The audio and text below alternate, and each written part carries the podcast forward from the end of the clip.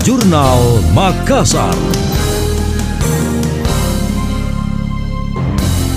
Saya Emil Faris dalam Jurnal Makassar. PLT Gubernur Sulawesi Selatan Anies Sudirman Sulaiman mengapresiasi niat Wali Kota Makassar yang ingin melanjutkan pembangunan Stadion Matoanging. Namun Sudirman tetap berpegang pada komitmennya bahwa Pemprov Sulsel akan membangun stadion legendaris tersebut tahun depan. Sebab Stadion Matoanging masuk program prioritas Pemprov Sulsel yang harus dikerjakan meski secara bertahap sesuai kemampuan anggaran daerah. Sudirman pun menawarkan pemerintah Kota Makassar menghibahkan anggarannya kepada Pemprov Sulsel sebagai wujud sinergitas untuk menghadirkan kembali Stadion Matoanging. Tidak kan kalau mau, Pemkot itu ada namanya bantuan keuangan. Bantuan keuangan baik dari provinsi ke kabupaten kota boleh, ataupun kabupaten kota ke Pemprov boleh. Ya karena kita situasi pandemi, bagusnya kalau ada uangnya Pemkot dibantuan hibahkan ke kita untuk kami bangun. Karena kami sudah ada desainnya, sudah jadi penganggarannya, jadi bagus bantuan keuangan dari Pemkot ke Pemprov boleh. Tidak usah banyak, 200 miliar aja.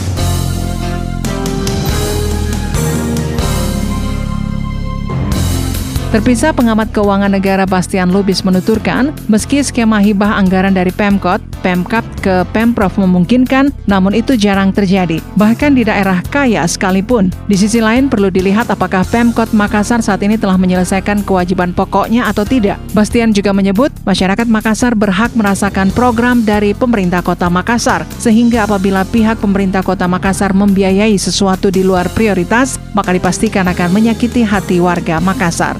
Saya rasa sangat sedih orang-orang kota Makassar itu yang sebenarnya mempunyai hak untuk pembangunan yang harus dibangun oleh kota untuk membiayai masyarakatnya ya. Apalagi kita dengar kemarin itu malah kota Makassar kan memberikan bantuan hibah kepada kejaksaan negeri untuk membangun gedungnya yang baru kan. Sebenarnya harus kita lihat ini.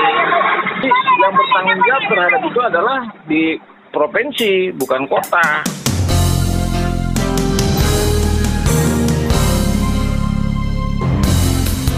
Lebih jauh, Bastian menegaskan kemampuan fiskal Pemkot masih rendah. Penyebabnya bukan hanya PAD tidak capai target, tapi juga Prusda tidak menyetor dividennya. Olehnya itu, ia mengingatkan Pemkot Makassar tidak mempermainkan keuangan daerah.